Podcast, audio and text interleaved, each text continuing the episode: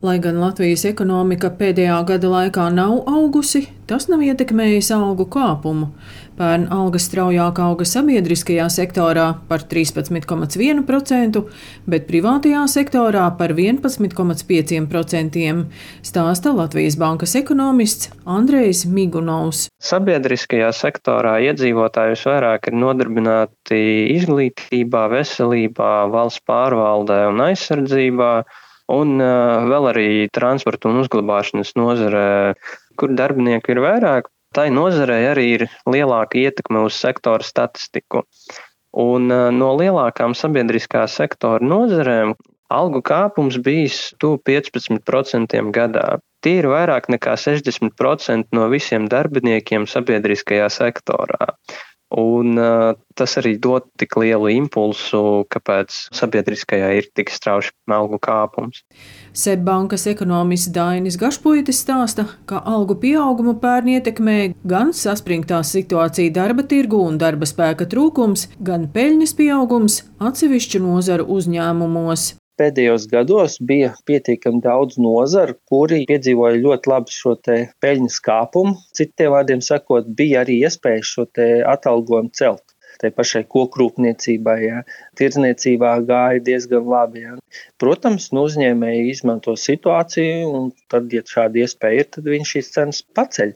Šobrīd aizgājis nedaudz pretēji, ja, bet nu, tik un tā šis spiediens no darbinieku puses turpināt palielināt algas, viņš nav būtiski mazinājies. Latvijas darba devēja konfederācijas finanšu un nodokļu eksperts Jānis Hermanis vērtē, ka gandrīz 12% algu pieaugums rada lielu spiedienu uz uzņēmēju izmaksām un konkurētspēju.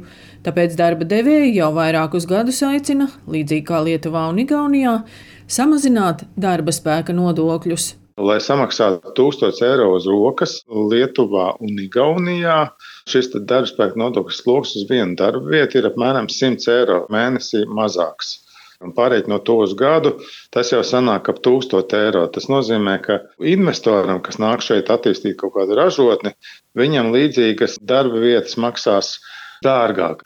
Protams, Latvijas nosacītā priekšrocība ir tas, ka mūsu auga līmenis ir zemāks nekā Lietuvā un Igaunijā un uz to mēs kaut cik vēl varam konkurēt.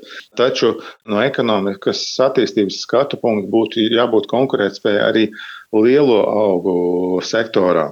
Un tas arī nodrošinātu tautsēmniecības pārēju uz lielāku pievienoto vērtību. Vai algu kāpums saglabāsies arī šogad? Seibankas ekonomists Dainis Gašpuitis vērtē, ka algas augs, bet ne tik strauji kā pēdējos trīs gados. Inflācija arī būtiski šobrīd ir uh, samazinājusies arī valsts budžeta iestādēs, iespējas tik strauji turpināt celt darba samaksu nu, samazinās. Pieauga to pašvaldību skaits, kur finansiālajās problēmas nu, tā, sāsinās. Līdz ar to tas pieaugums palēnināsies, bet tā tendence joprojām būs pozitīva. Darba samaksa turpinās pieaugt līdz aptuveni 8%, kas nozīmē to, ka darba devējiem tas būs izaicinoši, ja, noturēt arī šādu tempu. Joprojām atšķiras atalgojums dažādās nozarēs.